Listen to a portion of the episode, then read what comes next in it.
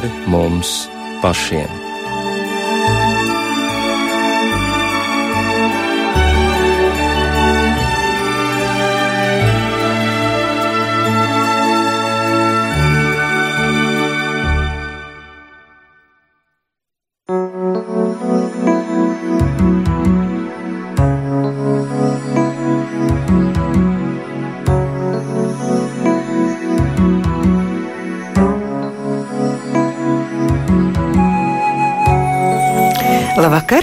Jums runā Rīta Bružēvica, skan raidījums pāri mums pašiem. Pie skaņa pults Rita Karnača.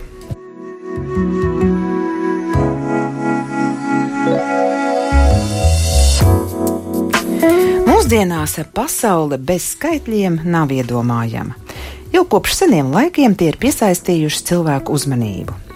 Visas lietas var izteikt ar skaitļiem apgalvoja senais grieķu zinātnieks un filozofs Pitagors, kas dzīvoja 6. gadsimtā pirms mūsu ēras. Gluži tāpat kā sendienās, arī tagad cilvēki tic, ka ir laimīgi un liktenīgi cipari. Arī Bībelē ir daudz skaitļu un ciparu, kas bieži atkārtojas. Kāda nozīme svētajos rakstos ir skaitļiem un cipariem, un vai mums tam ir jāpievērš īpaša uzmanība? Par to sarunu šajā stundā. Studijas viesis ir teoloģijas doktors un misionārs Juris Daveiko. Sveicināti!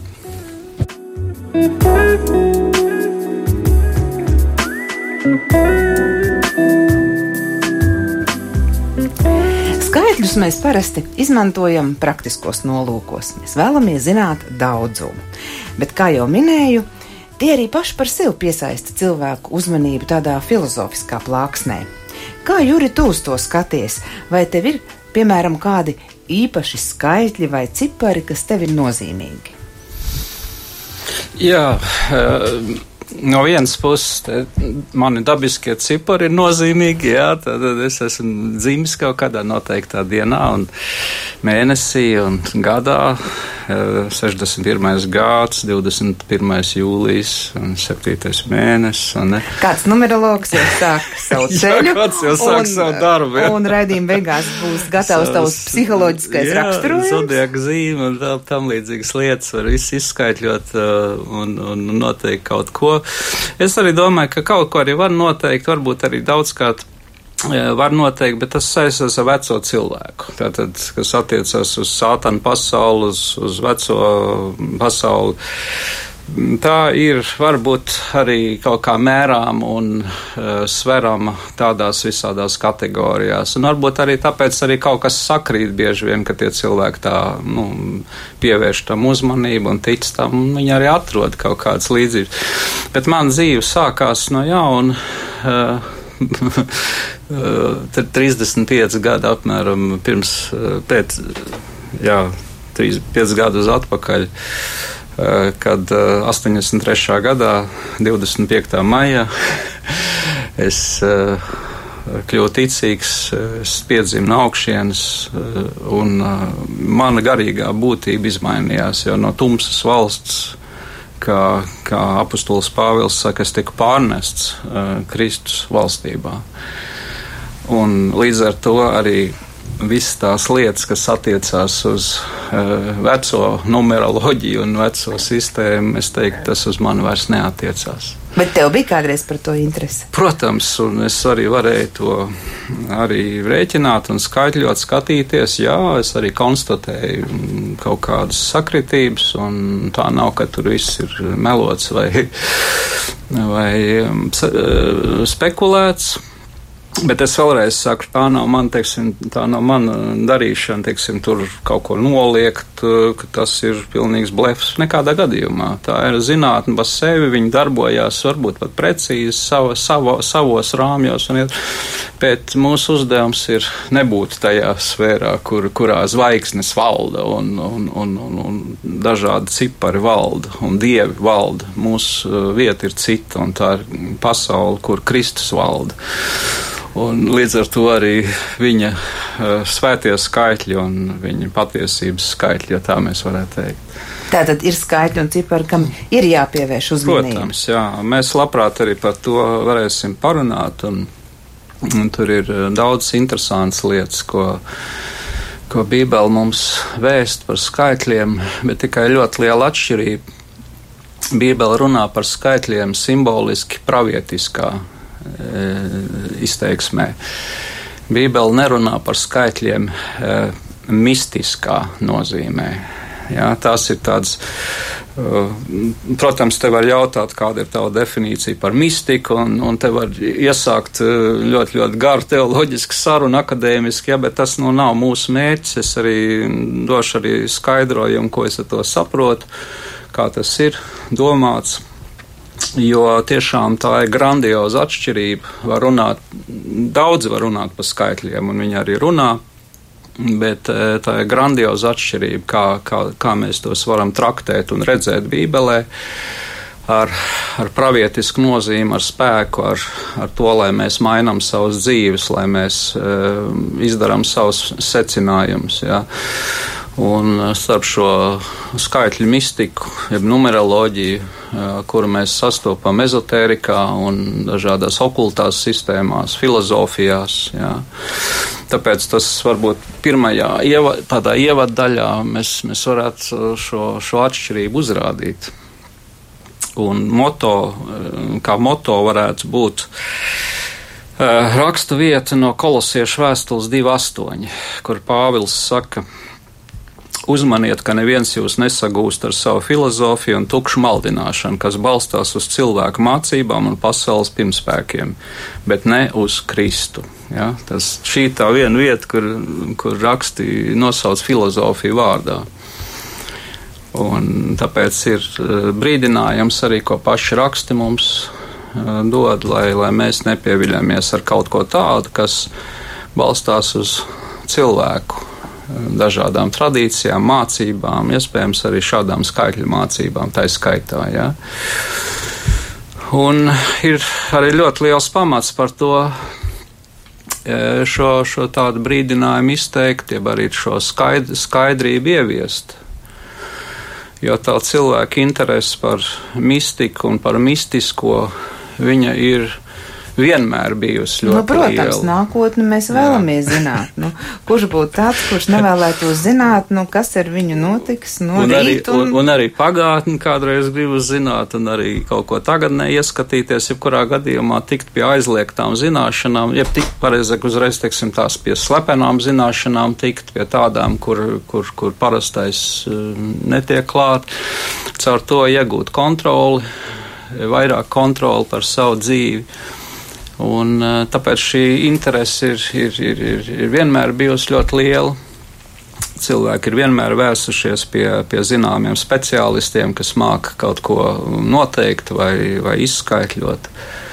Bet šajā laikā, kurā mēs dzīvojam, šī interese ir jau epidēmiska epidēmiska. Es atceros, kaut kad Vācijā vēl studēdams 90, eh, kaut kādā 3. 4. gadā vienā tunelī iedams cauri ķelnē tunelī, es skatos automāts, eh, kurā var ievadīt savus kaut kādus datus un viņi izmet ārā tev tā nu, kaut kādas vai nu, horoskops vai pravietojums par tevi un tam līdzīgi. Es domāju, oh, nu, ir laiks, vai ne, ka var naļitu, kā, kā Krievs saka, jau skrej, skrejot, var, var, var savu prognozi dabūt šai dienai vai nākamam mēnesim. Nu, tā kā tas ir tāds laiks, kurā ir dzīvot arī kļūst sarežģītāk, un cilvēki vēlās, vēlās um, vairāk kontrolas, vairāk uh, tādas. Uh, Bet Bībele to mums nepiedāvā. Nu, kādu, teiksim, prognozi par mūsu dzīvi. Nu, Tikai protams. mēs varbūt neesam to apjautuši un, un, un uzķēruši Jā. to. Ka Jā. tā taču arī mēs tur, kaut tur kā varam virzīties uz priekšu savā zināšanā. Paldies, Vien, tas jau ir tas, tas brīnišķais, jo, jo to aplamo mēs varam redzēt eh, jau uz tā pareizā, uz tā gaišā fona vislabāk. Un tad, kad mēs to gaišo pazīstam, tad tas liekas ļoti jocīgi, ka cilvēki meklē sa, savus. Um, atslēgas savai dzīvei. Tik tiešām um, pie Dieva un Bībelē un rakstos un viņa apsolījumos un kungā Jēzu Kristu mums ir dot bezgalīgi daudz apsolījumu, un ja mēs tajā dzīvojam, tad mēs esam droši un Mums arī nevajag nekur ķīķerēt un nevajag iet iekšā kaut, kādās, kaut kādos sātām dziļumos. Bet nu, es gribētu tomēr pateikt, ne, kā, kāda ir tā liela atšķirība. Ja? Jo starp mistisko skaitļu, skaitļu pielietojumu un starp um, biblisko numerolo, to biblisko simbolisko un pravietisko. Uh, lūk, uh, tas mistiskais skaitļu lietojums viņam jau ļoti, ļoti senas, sena vēsture ir. Tas ir, nu, tās saknes sniedzās nekur citur, kā senākajā, pašā, pašā senākajā civilizācijā, kāda viena arheoloģija un zinātnē ir pazīstama, tā ir Šumēru civilizācija, tā ir senā Babilona. Un Bībelē viņa figurē gan kā gan burtiskā nozīmē, kā, kā valsts, uh, kas uh, ārkārtīgi ir specializējusies šajās, šajās zinātnēs okultajās zinātnēs, ezoteriskās zinātnēs, slepenajās zinātnēs. Un arī, arī pārnestā nozīmē viņa figurē. Babilona ir kā princips, arī, kas ir visos laikos uh, aktuāls un kas, kas ir māte, varētu teikt, visām, visām burvestībām. Tas ir no turienes tas augtās saknes. Un, um, Nu, lūk, Babilona izceļas ar to, ka viņa šīs zināšanas faktiski ir sējusi pa labi un pa kreisi. No turienes tas ir tra, tra, tra, tradīcijā gājis uz visām pusēm. Tad, tad viena puse tā ir Indija. Kur, no kurienes šod, uz kurienes šodien daudz skatās ja, un, un, un, un redz tur savu, savu glābšanu kādreiz. Un, Viena daļa gājusi uz Grieķiju, kur ir arī sena filozofijas tradīcija. Viens, viens no šādiem skaitļu mistikas dižgariem, varētu teikt, ir Pitagors. Tas ir ne tikai teorēma pazīstams, Pitagora teorēma, ja, bet ir pazīstams arī kā, kā mistiķis, kā, kā dziļš mistiķis. Un, uh, tur ir augusi vesela tāda filozofija un, un atziņas. Jā, ir arī uz Ķīnu gājis un vēl daudzās citās, gal, gal galā arī uz Dienvidamerikas civilizācijām. Mēs redzam šo mātes dāsnumu, ne? Tas ir kā arī varbūt kā vēzis salīdzināms, metastāzes iet uz visām pusēm. Un, bet visu slepeno zināšanu māte tā ir Babilona. Un, lūk, tur ir radusies tāda atziņa, un no turienes ir izplatījusies šī atziņa, ka, skaitļiem ir sakars un mistiska saikne ar ar dzīvi, ar norisēm, ar cilvēku likteņiem, ar, ar, ar sociāl, sociālām norisēm, ar priekšmetiem, faktiski ar visu. Tā kā Matrixā rāda, ja, ka, kas ir to filmu redzējis, ka skaitļi, jā, skaitļi, skaitļi, skaitļi iet pa, pa ekrāna uz leju. Nu, tas, mhm. ir, tas ir viens ekranizējums, kurā ļoti daudz okultas filozofijas ielikts. Un, tātad dzīve ir skaitļi. Un uh, ir jāmāk skaitļot. Tad, tad ir, jā, ir jāzina, kāds algoritms, ir jāzina nozīme, kombinācijas, lai, lai varētu to mm, pielietot. Kādā ziņā pielietot? Nu, divējādās pamatā, di, divējādā veidā. Viens pielietojums ir redzams mums tādā senā atkal apakšzinātnē, kā, kā, kā astroloģija kas ir arī Babilonas. Nu, Babilona vienmēr ir ziedējusi un plaukusi ar, ar, ar savām. Kāpēc tā tieši vienā vietā viss tik ļoti sakoncentrēts bija eh, tajos senajos laikos? Jā, kas tas ir pa gadsimtu? Kas ir kultūra? Jā, arheoloģija sniedzās apmēram trešā gada tūkstoti, pus, trīs ap pus tūkstoši gadu uz, uz atpakaļ. Arheoloģija ir spējīga konstatēt nu, mēs teiktu, tā nopaļoja 4000 gadus atpakaļ. Tad, tad ļoti, ļoti. Uz atpakaļ tas ir pirms mūsu ēras. Protams, nu, jā. pirms mūsu ēras, pirms Kristus. Nu, kāpēc tur tieši? Tāpēc, ka tas ir civilizācijas šūpuls. No Bībeles tikai to mēs zinām. Civilizācijas šūpuls nav nec Indijā, nec Ķīnā, nec eh, arī pat Azteku vai Māju kultūrā, Dienvidamerikā.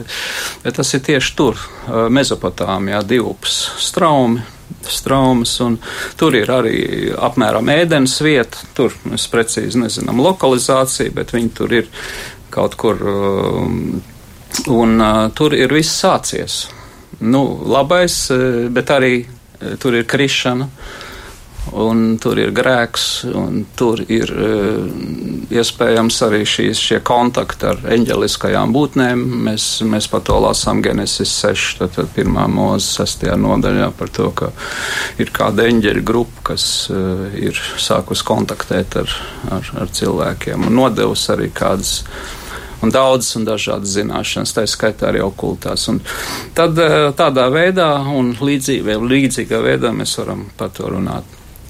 Un kāpēc tieši tur? Jā, un, mhm. Un daudz citas uh, senās civilizācijas, arī Eģipte, tā skaitā, un, un, un Dienvidamerikas kultūras. Un mēs redzam visur līdzīgas lietas, zikurātus, kas ir uh, turpat arī Babilonā bijuši, un tad mēs redzam pie, pie maijiem, pie atstekiem, mēs, mēs redzam līdzīgas lietas arī daudz kur vēl citur pasaulē. Jā, un, uh, tā kā tā tas iet, šī kultūra izplatās.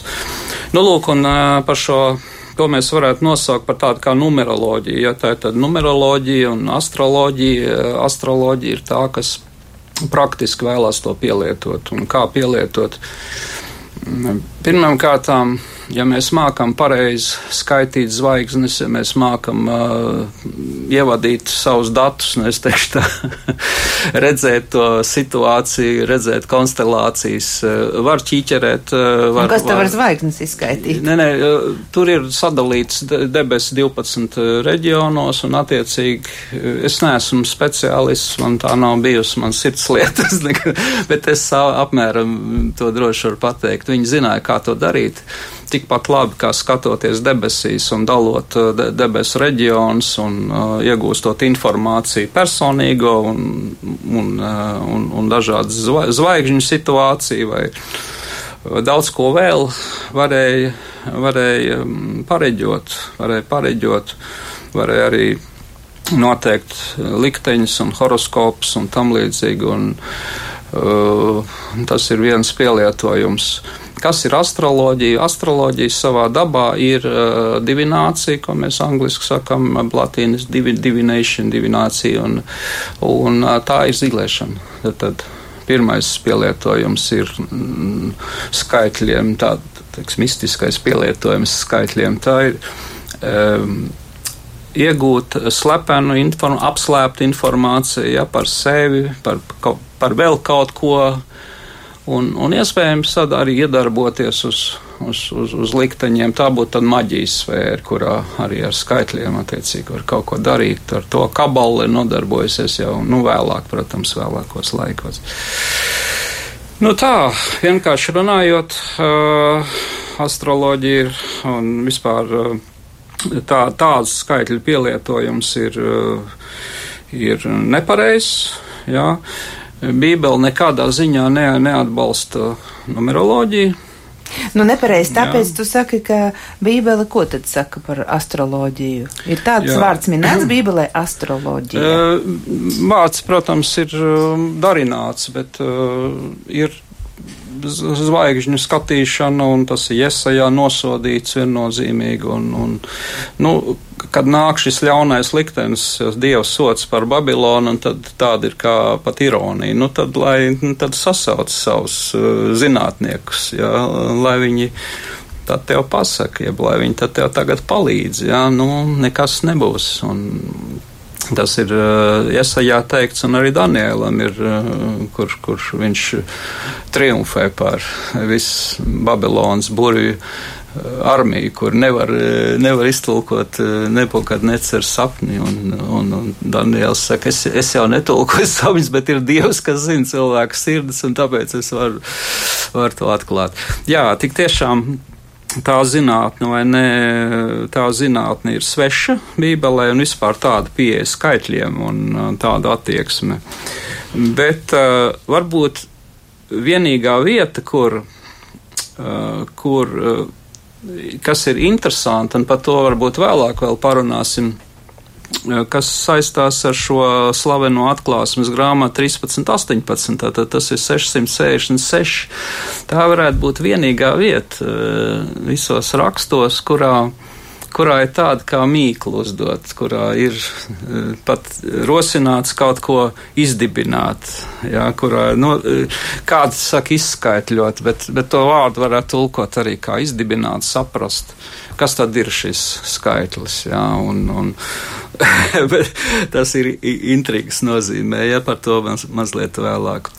Un, un tad es vēl gribēju pateikt, kur tā attīstība tālāk ir notikusi. Tā attīstība ir nav bijusi labvēlīga arī uh, Izrēlam, arī jūdu tauta, dievu tauta izredzētā ir nākus saskar, saskarsmē ar šo Babilonas uh, gudrību un ar teiksim, tā, ar okultismu, ar ezoteriskajām sistēmām, un ir bijusi vilināta no tā, un nevienreiz vien, un, un tāpēc gan kā pagātnē tur ir bijušas problēmas ļoti lielas ar, ar, ar, ar, ar, um, ar interesi, ar uh, aiziešanu no dievu derības un pievēršanos svešiem kultiem. Un, uh, kā arī tad vēlākajā jūdaismā šī te, teiksim, numeroloģija, numeroloģiskā pieeja sāka ietekmēt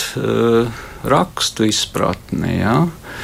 Un tad mēs sākam var teikt, runāt. Šeit mēs varam sākt runāt par tādu zinātni kā gematrija. gematrija. Viņas viņa ļoti, ļoti agri parādījās. Viņa ir, tā nav ne bībeles zinātne, nec, nec dieva zinātne, bet tā ir eh, babiloniešu asīriešu sistēma. Un tā parādījusies ir 800 gadus vēl pirms Kristus. Mēs lasām vienā Tātad sargona otrā laikā. Un ko tā sistēma cenšas sistematizēt? Jā, tātad tā ir tātad gematrija, kas, kas piešķir alfabētam ciparu nozīmi. Tas ir ebreju alfabētam? Jebkuram, pirmkārt. À, jebkuram. Pirmkārt, tam, kas ir, vai ne, tas, kas ar ko viņi operē. Un, uh, Nu, teiksim, tas nav pats par sevi slikts, tas, ka piešķirt ciparu nozīmi, tā nav nekāda problēma. Bet uh, tad sākās ar to uh, mistisks, mistisks skaitīšanas un izskaitļošanas, lai uh, izdabūtu ārā no, nu, pieņemsim, no Bībeles tekstiem slēptas mesiģis, kas tur ir iekšā, piedošana par šo žargonu, vai ne? Apslēptas tādas vēstis, kas, ko normālais lasītājs mierīgi lasot savus rakstiņus, vai ne, ne, ne, nerūpīgi, piedodies, es ar šodien jautrā garstāku. Nu jā, viņš nesaprot to, un, un tad, lūk, ir vajadzīgs kāds speciālists, jeb vesela skola, zinātnieku skola, ezotēriska zinātnieku skola, kas māca tev skaitļot vārdus, izskaitīt vārdu, teikumu, skaitlisko vērtību, tur salīdzināt vienu ar otru, tur un tad piemērot. Nu, bet sakrīt vai ne arī kaut kas tāds? Jā, jā. jā, varbūt, jā. ka tiešām kādu apslēpto vēstījumu arī var izcelt laukā no tā. Nu, es vienu piemēru minēšu, kā piemēram vārdam Eliazers, jā, tas ir Abrahama kalps. Viņa skaitliskā vērtība ir uh, 318. Un tagad, kad eh, pirmā mūža 14, 14 vēst, ka Abrahams uh, ņēma sev līdzi cīņā pret tām, uh, tiem ķēniņiem, kas sagūstīja latu. Viņš ņēma līdzi 318 labi apbruņots kalpus, savus kalpus. Tad, uh, lūk, tur sāk parādīties mistiskie elementi, jo daži jūdi saka, aha, tātad Eliazers. A, kā to 318 dabūja to viņa vērtību? Jā. Tas ir, eh, es tam pārlecu pāri ātri veikli, bet lūk, tad, tad eh, šo gematrisko sistēmu, jeb šo mm, principu piemēroja arī, arī ebreju alfabētam. Protams, ne, ne sākumā, tas ir vēlīnā, vēlīnākā laikā. Un, eh, teiksim, katram alfabēta burtām, teiksim, alef, uh, alef, bet, gimel, dalet, hes, Uh, ir viens, divi atbilstoši piekārtots skaitlis klāt. Un tad, kad mēs lasām vārdu, un tur ir burti, katrs vārds sastāv no burtiem, ko mums atliek darīt, mēs ņemam katru burtiņu, jā, un uh, iedziļinamies, aha, tas burtiņš ir ar to skaitli, aha, nākošais ar, ar to saliekam, tad, tad katru burtiņu saskaitam kopā, nu, un tad sanāk mums uh, dažādi skaitļi. tas ir tikai, nu, tas ir tādā, es tā tagad runāju, nu, tik, mm -hmm. cik nu vien, eh, cik nu vien prasti ir iespējams, jo nav laika pat to tajā iedziļināties. Bet, bet jēga maza no tā visa. Ja? E, nu, tā, tā kā tu saki, brīžiem ir kaut kas interesants. Nu, labi, tagad 318 trenēt kalpus viņš ņem līdzi, un Eliezer vārds arī 318 sanāk. Tātad tur min, tur sanāk, ir kaut kāda sakritība, un tagad daži saka, aha, redz, tas nozīmē, ka Abrahāms eh, būtībā eh, ar viņu bija tikai viens cilvēks. Tātad tur ir teikts, Abrahāms ņem 318 cilvēkus, tas nozīmē Elizers. Tas nozīmē tikai viens cilvēks viņam bija klāt, un viņš karoja pret ento skaitu ar eh, karaspēku. Nu, tātad tāds mistisks skaidrojums un tāds pavisam nevainīgs piemērs, bet, bet ir jau Bet tā ir tomēr rakstu sagrozīšana, jo tur ir teikts, ka karaspēks, tad jau karaspēks. Nu jā, es saku, tas tāds nevainīgs piemērs, un tā ir tāda sakritība, jā, tā ir tāda, bet ir daudz vēl citas sakritības, ko atrod, ļoti daudz ko atrod. Ja ja pielieto kaut kādu sistēmu, tad ir nepieciešams algoritms, kurš, kurš ir jāliek virsū. Jo skaitīt var dažādi, tiešām dažā, dažādos veidos, un tur ir vismaz kaut kādi desmit, desmit skolas, kas dažādi skaita. Jā, un tad uh, sanāk arī dažādi rezultāti, un kaut kad ņem, un kaut kas tik tiešām arī sakrīt. Jā, nu, tāpat kā astroloģija, arī kaut kas brīžiem arī kaut kas sakrīt.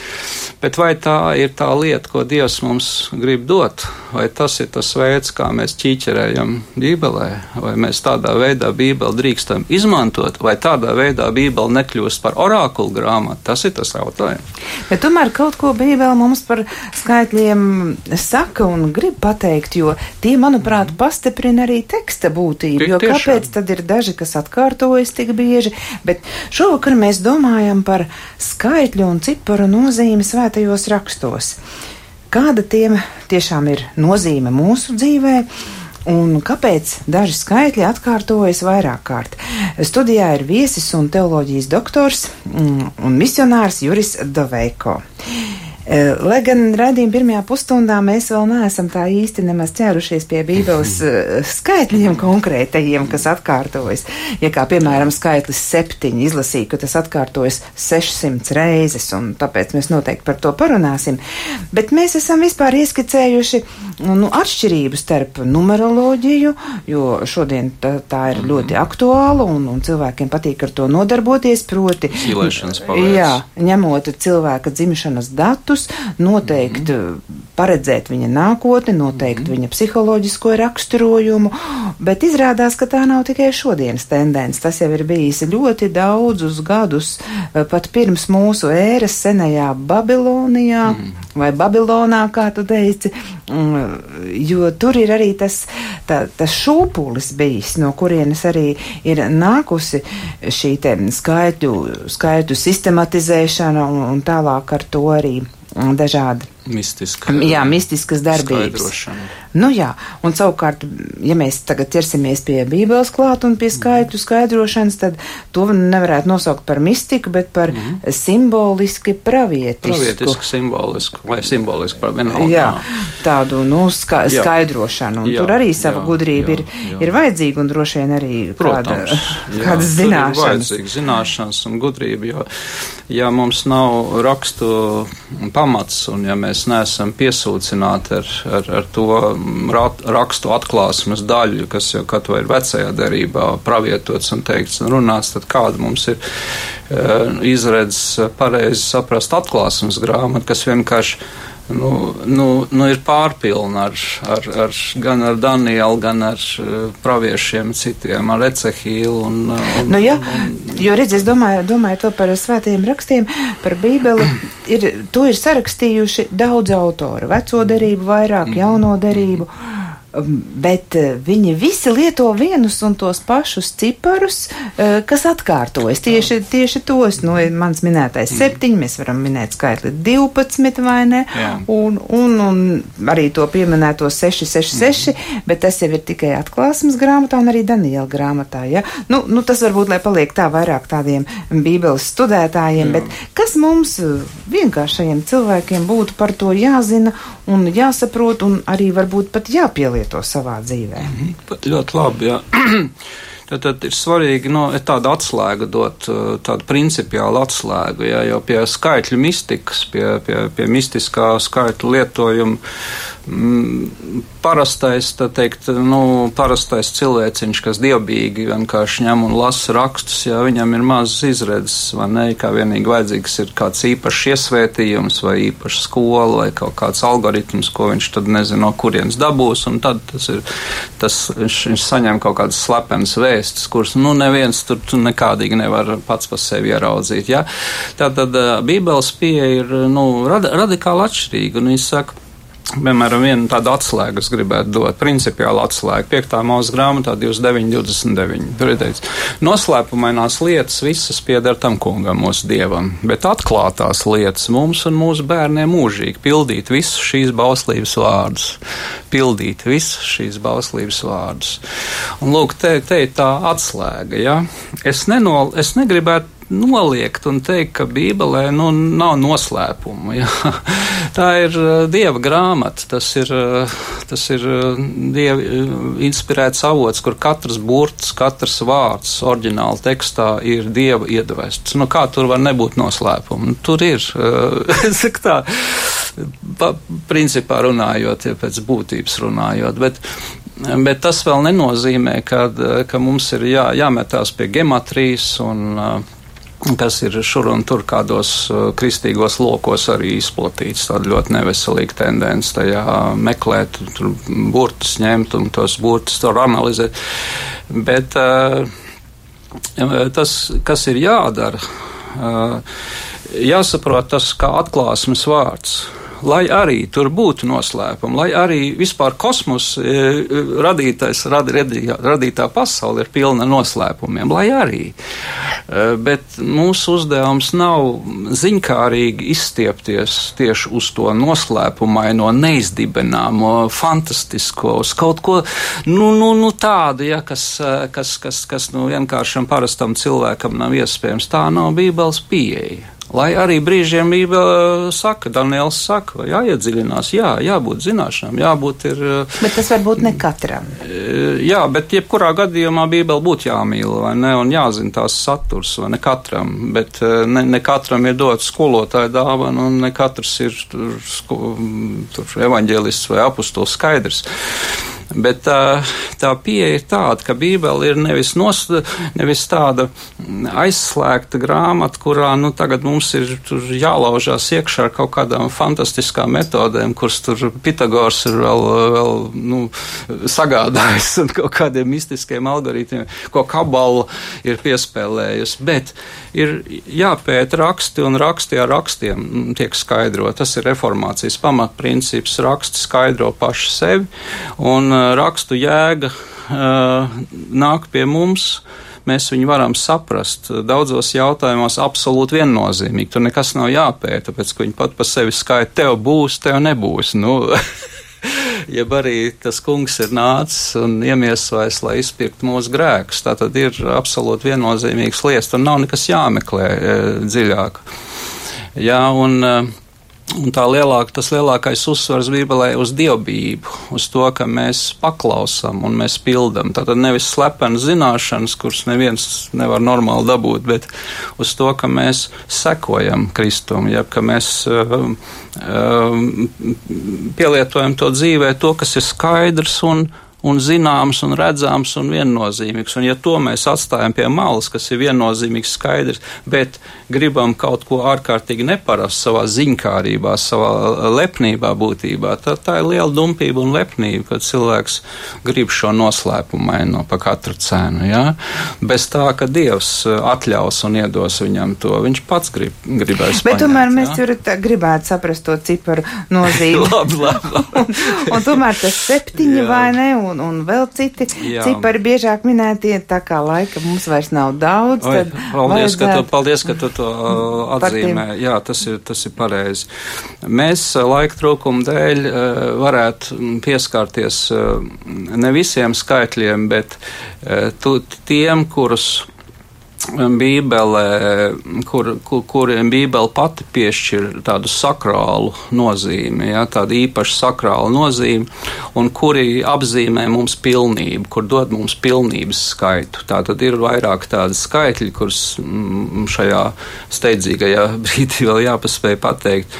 Jā, tas pirmais Tā ir tāda pilnības rinda, kur mēs noskaitīsim. Jā, tad, tad pirmais ir e, tiešām septiņi, jā, kas savu pielietojumu, savas atkārtošanās ziņā nu, ir vis, vismasīvāk pārstāvēts. Un tas ir dievišķs skaitlis, tas ir sakrāls skaitlis. Un nav tā, ka ebreji to būtu izdomājuši. Tas ir tajā kultūrā arī uh, citkārt ir uh, zināms. Tas, tas nav absolūti oriģināls no ebrejiem, bet dieva atklāsme ir ierunāta ierunājusi. Ne kaut kādā marsiešu valodā, bet viņi ir ierunājusi arī tajā tās kultūras valodā, kāda ir toreiz cilvēkiem bijusi. Nu, tā skaitā Lūks septiņi ir eh, runā par piepildījumu, piepildījums, perfekcija, arī dievišķais. Ne, nu, pirmkārt, jau sešas dienas, kurās ir uh, darba nedēļa, kurās Dievs ir radījis uh, šo pasauli, un septītā dienā ir radusi. Tas jau ir pats pirmais un, un tas, tas, tas karoks, varētu teikt, ka mēs redzam, kur tas septiņi parādās. Ja, un, un tā ir arī tā septītā diena. Tātad septiņi ir tāds skaitlis uzreiz mums jau pirmajās bībeles lapās. Un, Ļoti, ļoti, ļoti daudz. Es tikai tā pavisam virspusēji, vai ne, saku, septītā diena, septītais gads, sabata gads. Um, tad ir um, tātad uh, jubilejas gads, attiecīgi, es teiktu, sabata jubilejas gads, vai ne, un, un tad ir dažādās citās kombinācijās, piemēram, tā kunga vārdi ir skaidri, un viņi ir šķīstīti septiņkārt. Atkal redzams, tad pilnība, jā, Dieva vārds ir pilnīgs, šeit ir gribēts pateikt par to. Un uh, viena interesantā vietā, 119. psalms mums saka, septiņreiz dienā es tev teicu par, par tavām taisnējām tiesām. Tad, tad ir tāda prakse. Ja arī viņš grib pateikt, ka viņš ļoti daudz pateicās, pateicība ir viņa dzīves stils, varētu arī tā teikt. Jā negluži varbūt formāli, ka viņš burtiski vai nē, bet arī eh, iespēja domāt, ka tā ir perfekcija šeit šī cilvēka dzīvē. Nu, Tur ir, eh, piemēram, septiņi demoni no madaļas, septiņas negantības, kuras ienīst tas kungs. Tas ir interesants jautājums. Nav laika mums tam pieskārties, bet fantastiski, ko ienīst kungs? Septiņas lietas, tā ir pilnība.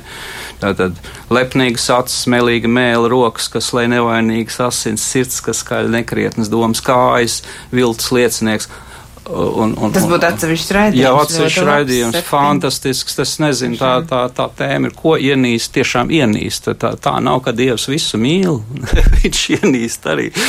Un ļoti, ļoti stipri ienīst. Un, un ir, es, vēl, es vēl pateikšu, ko vēl viņš ienīst. Un tas, ko viņš ienīst, apzīmēts vecajā darbā ar negantību. Tā ir tā šikūts lieta, negantība. Un tas, ja kāds to dara, tad viņš uh, dara stiprākas lietas nekā parasto grēku. Bet ir, eh, ir, ir ļoti daudz eh, pa septiņām lietām runāts. Eh, es, piemēram, Jēzus saka septiņ, septiņas reizes, kas, kas viņš ir Jāņa evaņģēlijā. Tas ir ļoti zīmīgi. Es esmu, vai ne, ego emī vārdi septiņas reizes ir. Un, uh, atklāsmes grāmata vienkārši čum un muģu. Tur ir nu, viss pa septiņu, ļoti daudz kas pa septiņu. Bet tas, kam es gribētu mazliet vairāk pievērst uzmanību, tas varētu būt mājas darbs visiem skaties, kur septiņu un, un, un last tik augšā.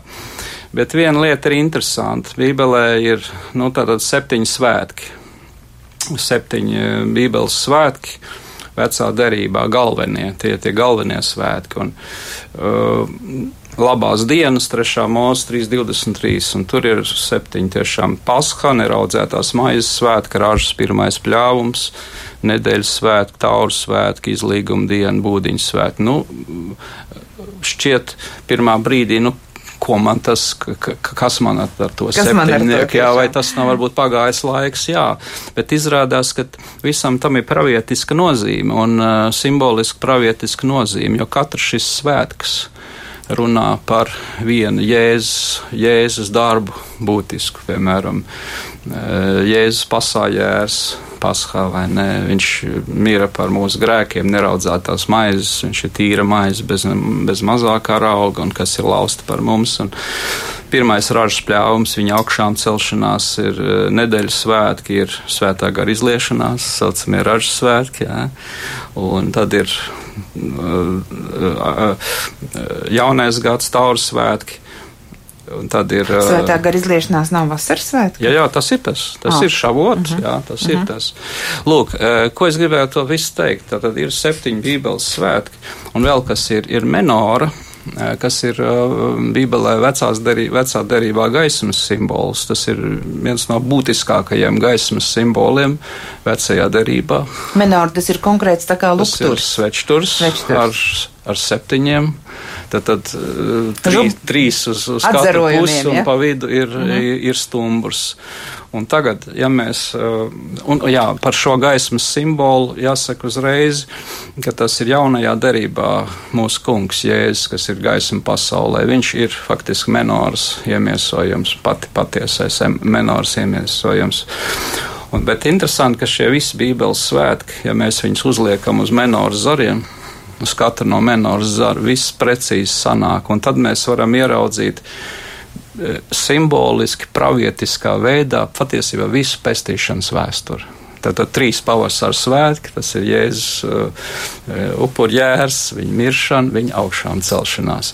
Pavīdu uh, šavot, tas ir uh, vasaras svētki, jeb ražas svētki, un tad ir trīs rudens svētki vēl, kur vēsturiski vēl nav piepildījušies.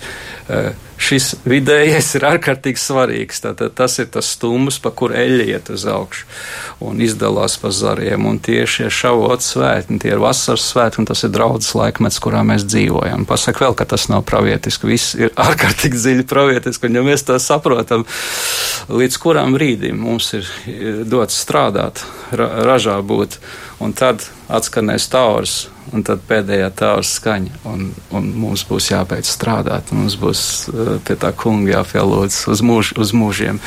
Nu, kaut vai tāds, vai ne, piemērs. Bet vēl tas skaitlis 666, tas ir pirms viss vēl noslēdzas, vai ne? Kaut, kaut, kaut, kaut, kaut kādus notikumus mums Jā. tas vēsta, vai ne?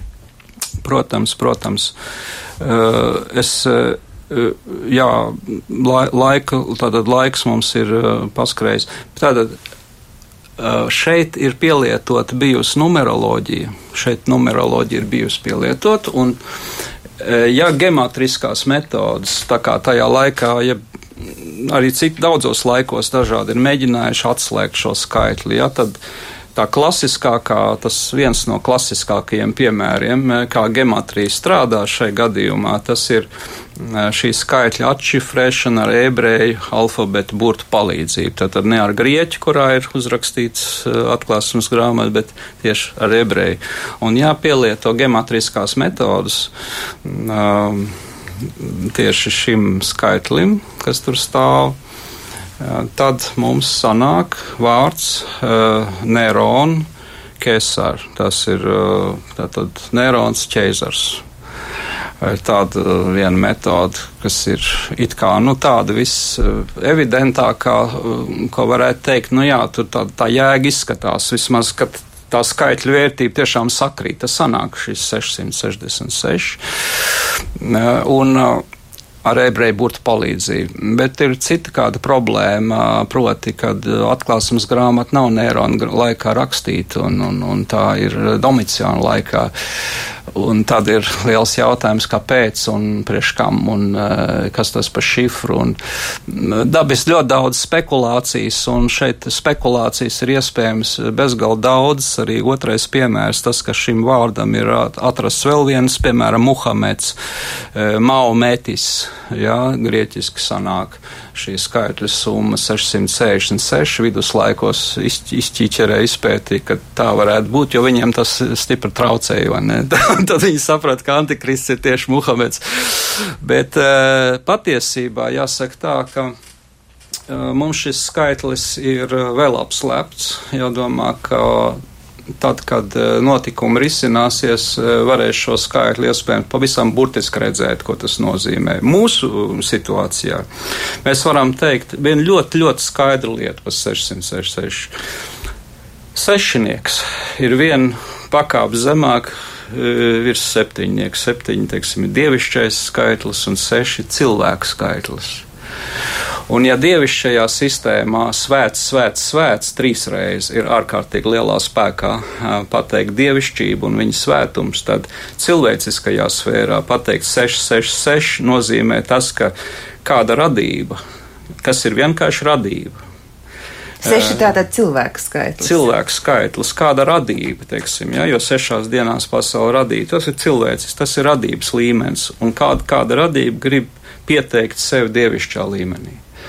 Un tad sanāk, lūk, šis, nu, var teikt, garīgais, normālais skaidrojums, ko katrs šodien cilvēks varētu arī pieņemt un saprast. Nevajag dziļ, dziļš šos noslēpumus, var vienkārši saprast, redz, cilvēks, kas grib pacelties dievišķā kārtā, un viņš tur gūs savu iespēju, un mēs zinām par šiem notikumiem, tas ir zvērs un kā tas viss notiksies. Un, un vēl nobeigumā saka, kā šī skaitīšana un ciparu pasauli mums būtu jāpārnes uz mūsu ikdienas ikdienas dzīvi. Jā. Es varētu teikt, ir tāda lieta kā garīgā skaitīšana. Jā. Ir, ir, ir numeroloģiskā skaitīšana, bet tad ir tāda, ko, ko mums svētie raksti māca. Un, uh, Mēs varam teikt, tā, ka, kas ir rakstīts psalmos 90. psalmā, 10 līdz 12. Tā ir mūzes dziesma, ļoti iesaku izlasīt. Un tur ir uh, dzīves laiks, ir 70 gadi, un ja kāds ļoti stiprs ir 80 tas paiet ātri, un mēs aizlidojam kā ar spārniem. Kā ar spārniem. Ja kādam nav šī atklāsme, ak, vai jā, ja kāds domā, ka viņš dzīvos mūžīgi un ja ilgi, ilgi, ilgi, vai ne, šeit uh, atklāsmos māca, ka, ka laiks ir nežēlīgi, nežēlīgs. Viņš burtiski lido, un mēs lidojam. Un tāpēc secinājums ir tāds: māci mums mūsu dienas tā skaitīt, ka mēs gudru sirdi dabūjam. Un te var ar, ar daudziem citiem piemēriem to paskaidrot, ko tas nozīmē. Ja? Ka kāds neskaitīja pareizi dzīves laiku, Viņš teica, es nojaukšu šķūņus, uzcelšu citu, viņš cēla plānus. Viņš teica, domājies, ka šonakt tavu dzīvi, tavu dvēseli paņems. Kam tas tiks viss? Viņš nerēķināja pareizi, jo viņš krāja tikai sev un netapa bagāts dievā. Ko nozīmē nu, kopā saņemot skaitīt pa īstam? Pa īstam skaitīt nozīmē Un šajā īsajā dzīves laikā, kas lido kā, kā ar vējas pārne, atgriezties pie Dieva, uh, kalpot viņam un gaidīt kungies atgriešanos. Paldies, Juri, par šo izsmeļošo stāstījumu par cipariem, par skaitļiem Bībelē, arī pulkstenis skaita minūtes un sekundes, un, diemžēl, mūsu raidījums tuvojas nobeigumam. Šovakar raidījumā pāri mums pašiem piedalījās teoloģijas doktors un misionārs Juris Doveiko. Ar viņu sarunājās Rīta Bružēvics, par raidījumu skanējumu rūpējās Rita Karnača, lai jums tiešām, nu, Dievs palīdz skaitīt tās dienas tā, ka jums visiem ir gudrs sirds. Es atvados no jums ar labvakaru!